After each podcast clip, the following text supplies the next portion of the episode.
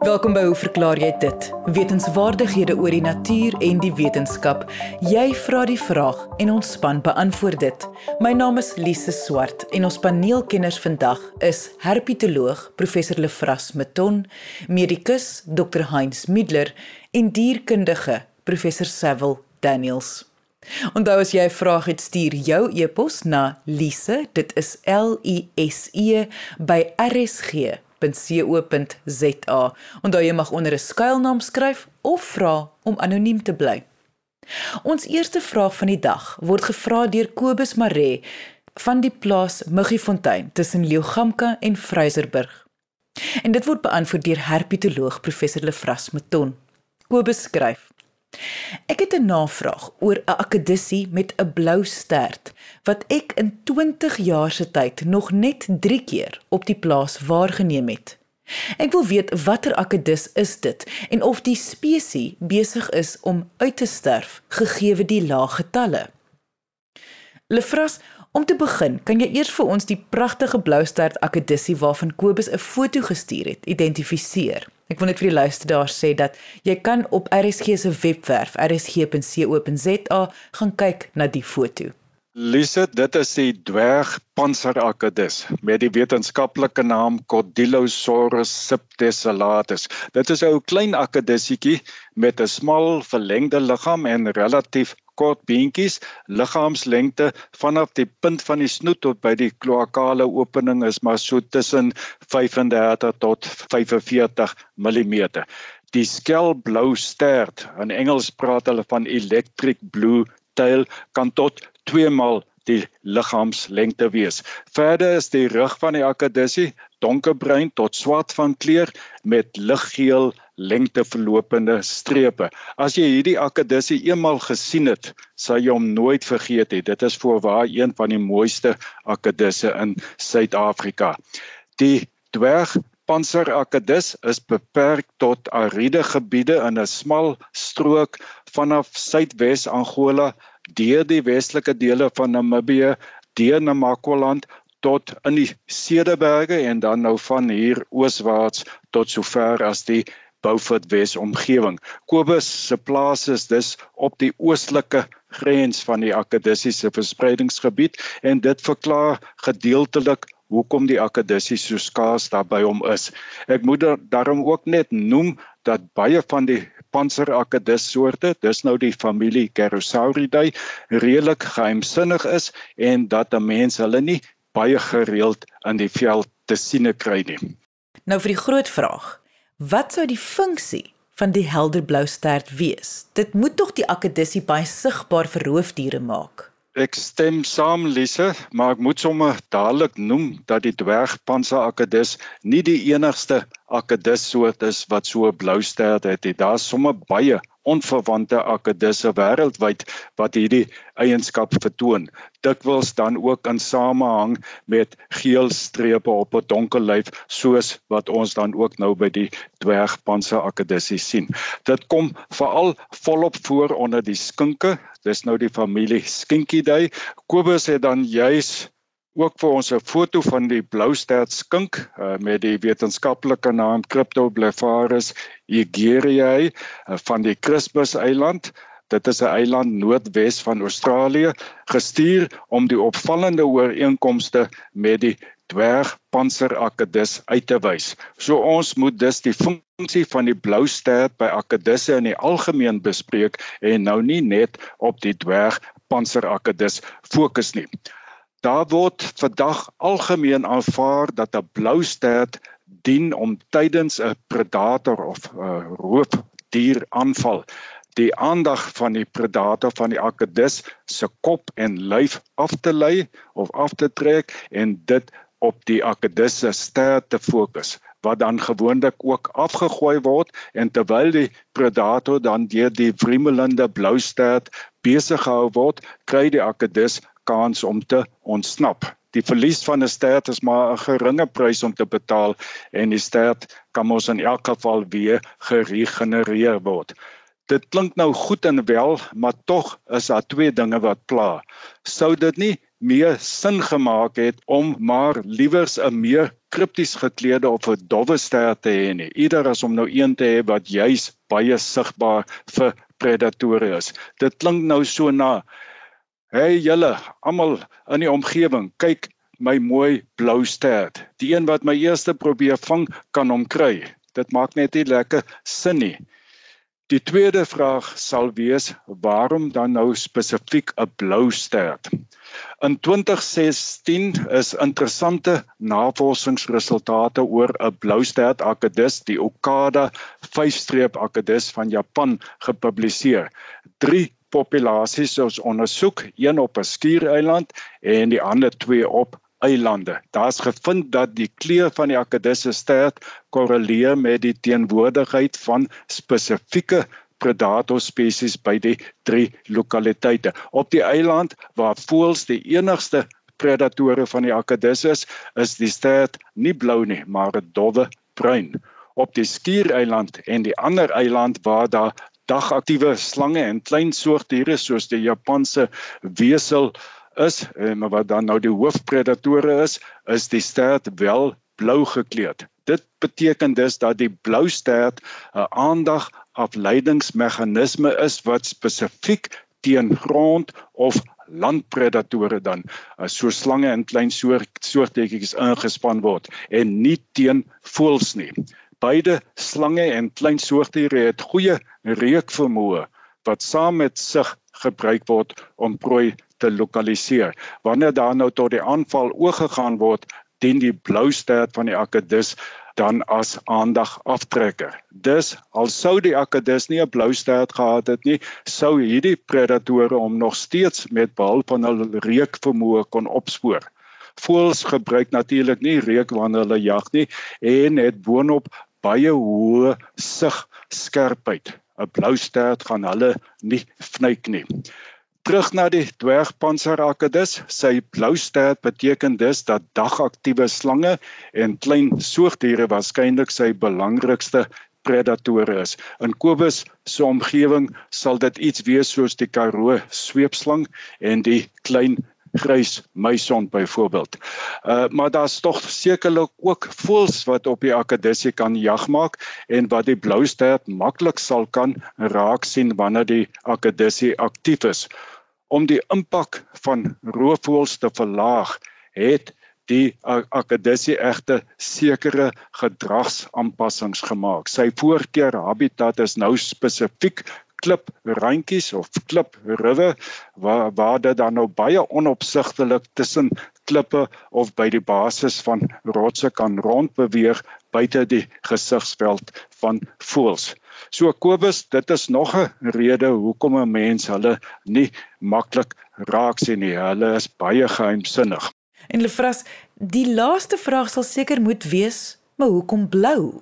Uit die aard van die saak sal die effektiwiteit van 'n spesifieke kleur as aandagafleier afhang van die kleur visie vermoëns van die predatore.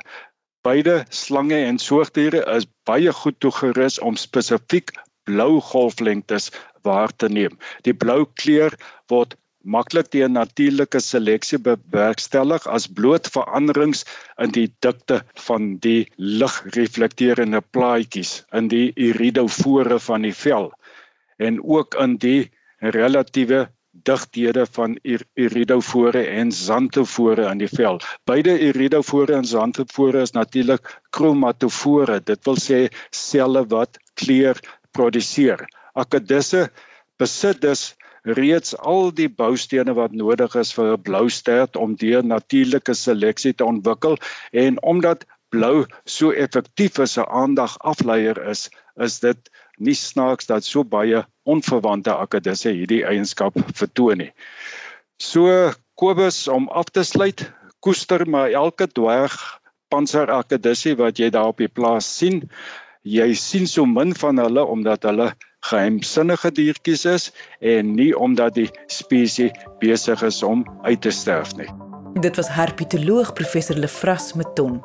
Indien jy 'n vraag het, stuur jou e-pos na lise@rsg.co.za of deur RSG se webwerf. Gaan net na rsg.co.za. Ons volgende vraag van die dag word gevra deur Niels Dreyer en beantwoord deur dierkundige professor Saville Daniels. Niels skryf: Ek is oortuig jy kry slim katte en dom katte, net soos by mense. Ek glo ek het 'n slim kat. My kat se naam is Katrein en sy ken dit goed. As ek haar roep, kom sy dadelik aangehardloop. Dis gewoonlik wanneer ek vir haar kos gee. As ek haar deur ons venster roep in die aand, kom sy tot in ons kamer en gaan lê op die bed. Sy's geweldig rats. Sy klim groot bome in sekondes tot bo waar sy lê en wag vir haar prooi, gewoonlik 'n duif. 50% van die tyd het sy die voël gevang en dan vir die hele dag eet sy dan aan hierdie duif. In die nag lê sy tussen ons op die bed. In die middel van die nag maak 'n trein my wakker deur op my te loop en dan by die deur te gaan wag totdat ek opstaan en dit oopmaak. Waarna sy buitentoe gaan om haar dinge te gaan doen. Ander katte waarmee ek al in aanraking gekom het, reageer op niks van hierdie bogenoemde goed nie. So, professor Daniels, is daar slim katte en is daar dom katte? Nou hierdie is 'n vreeslike interessante vraag. Dit hang nou af van twee baie ehm um, belangrike aspekte. Hoe word intelligensie gemeet? En tweedens, hoe word intelligensie gedefinieer? 'n Mens kry algemene intelligensie en spesifieke intelligensie. Nou hiervoor moet ek nou bieg dat ek 'n bietjie in die sielkunde literatuur moes gaan kyk het om te sien hoe dit histories gedefinieer was. Nou algemene intelligensie sluit in die vermoë om vaardighede te meet. Dit sluit in abstrakte denke, die vermoë om kennis te akkumuleer en om aan te pas by 'n uh, nuwe omstandighede. Terwyl spesifieke intelligensie word gemeet um, as vaardighede in 'n beperkte area of in 'n beperkte gebied. So spesifieke intelligensie is werklik die intelligensie wat 'n mens die luisteraars wat nou nog kan mooi onthou wat 'n mens op skool in die IQ toetse sou gedoen het. Daarvoor is daar gewoonlik 'n verskeidenheid vrae gewees, maar tot 'n groot mate is dit iets spesifiek wat die toets dan nou daar meet. Dan is daar ook ander van hierdie sielkundiges wat sê dat intelligensie is die primêre kognitiewe vermoë wat 'n mens dan nou verbaal sou kan meet met ander woorde met die persoon se taalvermoë. Ehm um, jy kan dit ook op 'n numerale vlak meet. Jy kan dit ook meet hoe die persoon dan nou argumenteer en wat die persoon se algemene geheue is. Nou Soos die luisteraars nou kan hoor, baie van hierdie toetse is spesifiek ontwikkel vir mense. Hierdie toetse is nie ontwikkel om intelligensie by diere spesifiek te meet nie. Dit is 'n baie belangrike aspek wat ek nou toe sal terugkom in 'n oomblik. Maar daar is ook ander sielkundiges soos byvoorbeeld Sternberg wat hierdie tradisionele intelligensie toetse liewer kritiseer Ehm um, want hy sê dit is werklik die vermoë om 'n absolute korrekte antwoord te kan verskaf. Dit gee geen indruk van die kreatiwiteitsvermoë byvoorbeeld van die individu nie. So 'n mens kan nou ook sien dat om intelligensie selfs net by mense te definieer is nog al 'n redelike tammeletjie want dis 'n baie gekompliseerde ehm um, aspek wat baie fasette werklik beslaan. So, kan diere dink? Die antwoord is ja, hulle kan wel dink en hulle het ook die vermoë om te kan leer. 'n Mens kan nou byvoorbeeld dink aan die um simpansee wat in die woude 'n klip gebruik om die neute oop te kap. Dis 'n baie eenvoudige voorbeeld, maar dit wys dat die dier die vermoë het om gereedskap te kan gebruik. 'n Klip is 'n baie primitiewe stuk gereedskap wat gebruik kan word om die kos wat natuurlik die neut in hierdie geval is vir die dier oop te maak. Nou in die algemeen sê die literatuur dat honde se intelligensie vermoë so om en by 2.5 jaar van mense is. Met ander woorde, 'n hond kan soortgelyk in sy intelligensie wees as dit van 'n 2 en 'n half jarige kind terwyl katte ehm um, so gemiddeld weer eens uh, die intelligensie het van 'n 2 jarige ehm um, kind.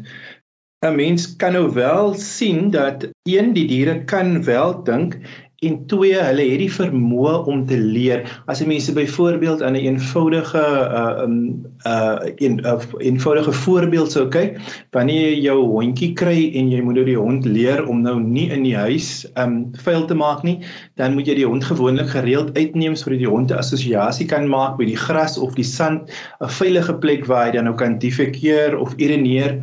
Ehm um, so diere het wel die vermoë om te kan leer. Natuurlik die groot verskil tussen tussen katte en honde, dis hoekom ek altyd dink 'n mens is of 'n katmens of 'n hondemens is. Honde is baie meer sosiaal terwyl katte gewoonlik in die algemeen baie meer asosiaal is. Die kat sal kom as hy honger is of as hy 'n bietjie aandag nodig het, maar hy is baie meer onafhanklik. Terwyl die honde in die algemeen wanneer die eienaar by die huis opdag, dan is die hond gewoonlik um redelik um gelukkig, hy's opgewen, hy spring, hy lek sy baas se hande. In elk geval um diere het die vermoë om te kan dink, alhoewel dit in die algemeen in mense terme gemeet word, is dit redelik beperk. Dit is natuurlik net een ding wat 'n mens moet in gedagte hou. Ehm um, en dat daar natuurlik gewoonlik verskille gaan wees tussen verskillende tipe troeteldiere of dit nou 'n kat of 'n hond is byvoorbeeld, maar in die algemeen blyk dit om te wees dat die diere katte en honde liewer die gemiddelde intelligensie van 'n 2 jaar oue baba het. So 'n mens moet nou nie te veel van jou dier by die huis verwag nie. Jy luister na Hoe verklaar jy dit op RSG 100 tot 104 FM. En dit was dierkundige professor Sewil Daniels. Indien jy 'n vraag het, stuur jou e-pos na lise@rsg.co.za. Ons laaste vraag van die dag word gevra deur Marie van George en beantwoord deur medikus Dr. Heinz Middler. Marie skryf: Rooikoppe het die geneigtheid om anders op medikasie, in kluis narkose te reageer. Hulle het gewoonlik 'n hoër pynweerstand as ander en narkose is gewoonlik 'n nagmerrie. Narkotiseers sukkel om ons onder te kry. Ons word wakker onder narkose of ons sukkel om weer wakker te word na die narkose. Medikasies soos anti-inflammatoriese, antidepressante, pynmedikasie, selfs antibiotika of kortison. Ons het soms groter dosisse nodig of ons ooreageer daarop. Ons oupa, ook 'n kerrykop, is dood aan lewerkanker wat te laat gediagnoseer is. En 'n rooikop oom is ook oorlede aan nierversaking wat te laat gediagnoseer is. Ek self het donkerrooi hare en het gesukkel met narkose. Ek het twee keer wakker geword onder narkose. Ek het ook 'n hoë pyntoleransie en ek ooreageer ook op sommige medikasies. Selfs met my swangerskap het ek eers op 5 maande dit ontdek. So hoe verklaar julle dit? Dr Middler? Marie, ja, jou vermoede dat rooi koppe of kerrykoppe soos jy hulle noem meer weerstandig is teen narkosemiddels en hulle pyn dalk beter kan hanteer as ander persone is inderdaad in die kol. Die term fenotipe is basies hoe jy lyk en wat hoe mense jou sien. So 'n rooi kop is 'n fenotipe. Jy kan sien daai ou rooi kop in 'n in 'n 'n ligte vel en dalk sproete. Dis 'n tipe fenotipe. Dit beskryf jou uiterlike voorkoms. Jou genotipe is dit wat jy nie kan sien nie. So jou genetiese opmaak binnekant, deel daarvan is verantwoordelik vir jou fenotipe. So ergens in jou genetiese materiaal is daar 'n ding wat gemaak het dat jy nou 'n rooi kop is en dit is dat jy lyk soos jy lyk. Daar is 'n koneksie met die rooi koppe tussen hierdie fenotipe en genotipe wanneer dit by pyn kom. As ons net kyk die pyn wat jy ervaar, mense ver, ervaar pyn verskillend. En daar's so verskeie redes daarvoor. Eerstens daar is 'n genetiese komponent waar jou genetiese vervaardiging of sintese van jou neurone, jou pynbane, jou neurotransmitters, jou reseptore waarna hulle bind, dit word alles geneties bepaal. So nie almal sin is dieselfde nie. En dan is daar ook veranderlikes, soos byvoorbeeld hoe jou gemoed is op daardie dag wanneer jy nou 'n insnyding kry of seer gemaak word, hoe jou gedrag is of wat is jou verwagtinge? Verwag jy dit gaan seer wees? Verwag jy dit gaan pynloos wees? Of dalk nare vorige ondervindings. Dit beïnvloed jou. Dalk is dit nie so seer nie, maar laas keer was dit baie seer en nou is jou verwagtinge dat dit gaan seer wees en dan is sal dit mos nou wees. Of jou of jy manlik of vroulik is. So daar's klomp redes vir mense wat verskillende pyn ervaar. Die genetiese komponent waarvan ons gepraat het, is waar hierdie koneksie tussen jou rooi koppe en en en, en die genotipe kom. En daai komponent praat ons van die melanocortico 1 reseptor. Nou dit is 'n dis 'n tipe reseptor wat jy kry wat ons almal het. Nou hierdie stukkie materiaal, genetiese materiaal is verantwoordelik vir die sintese of of die vervaardiging van melanien. Melanien is die donker komponent wat jy in jou vel en in jou hare kry. Hoe meer melanien jy het, hoe donkerder is jy. En daar's twee tipes melanin. Die een is pheomelanin en die ander een is eumelanin. E U, eumelanin. Nou eumelanin is nou die wat ons in normale mense kry en hulle die melanin is daar om jou te beskerm teen die skadelike ultraviolet strale wat jy in sonlig kry. So mense wat naby aan die ehm um, ewenaar bly, het gewoonlik meer eumelanin en hulle is donkerder verkleur want hulle het meer beskerming nodig teen skadelike ultravioletstrale teenoor die noore wat by die pool bly wat baie min son sien. Hulle het nie baie beskerming nodig nie en dis is hulle ook baie keer baie wit van gelaat want hulle het nie uh, baie eumelanin nie. Nou indien hierdie wat ons sê die MC1 reseptor non-funksioneel is dan word pheomelanin vervaardig. En dit is die tipe melanin wat jy in rooi koppe kry. Alrite die die koneksie nou is dat hierdie MC1 reseptor speel 'n rol met pyn. En daar sal baie proewe gedoen op hierdie reseptor uh, om vas te stel hoe en wat hoe werk dit dat mense pyn anders uh, ervaar as jy hierdie reseptor het wat funksioneel is of non-funksioneel. Ons weet dat ons eie liggame maak ook pynstillers, jou endorfine en dit bind aan reseptore wat in jou brein is, jou opiaat reseptore of op opioid reseptore en dis dieselfde reseptore wat ons gebruik wanneer ons byvoorbeeld morfine gebruik om pyn te stil, dit bind aan daai reseptore. Nou daar is verskillende van hierdie reseptore, dis mu reseptore en delta reseptore en so aan, maar daar's ook 'n kappa reseptor. En daar was gevind dat hierdie pheomelanin, hierdie MC1 reseptor het te doen met die kappa reseptor. En dit word deur hierdie geen beïnvloed en dit is hoekom rooi koppe pyn anders ervaar. So wat ons gedoen het is eksperimente is gedoen met narkosemiddels en dan word hulle met 'n elektriese stimulus terwyl hulle onder narkose is gestimuleer om vas te stel hoeveel narkosemiddels het hulle nodig en oor algemeen het rooi koppe 20% meer ehm um, narkosemiddels nodig as gewone persone. Dan is ook ander proewe gedoen met pyn waar jy byvoorbeeld capsaicin wat 'n tipe 'n middel is wat jy kry in russies. Ja, as jy dit byvoorbeeld aan die vel smeer, dan veroorsaak jy 'n toestand van hiperalgesie. Dit beteken jy voel baie makliker pyn. So waar 'n stimulus, sê maar 'n naaldprik, eh, 'n uh, 2 uit 10 seer is, En as jy dan nou hiperalgesie het, dan voel dit sommer vir jou 7 uit 10 seer waar, waar dit eintlik heeltemal um, buite verband is. Nou dan sit jy vir 30 minute sit jy hierdie room aan, dan haal jy dit af en dan word jy met 'n naald geprik om te kyk hoe um, weerstandig is jy hoe is die hiperalgesie. Dit is gevind met die rooi koppe dat hulle ook baie minder pyn ervaar na hierdie toets. So hulle het meer narkose nodig. Hulle is meer weerstandig teen pyn en dit is alles kan jy verklaar aan hierdie MC1 reseptor en die vervaardiging van die pheomelanin. En dit was medikus Dr Heinz Middler. Indien jy 'n vraag het, stuur jou e-pos na lise@rsg.co.za. Onthou jy mag onder 'n skuilnaam skryf of vra om anoniem te bly. Ek sê baie dankie aan ons kenners en vraagstellers vandag. Onthou om altyd nuuskierig te bly en altyd vrae te vra.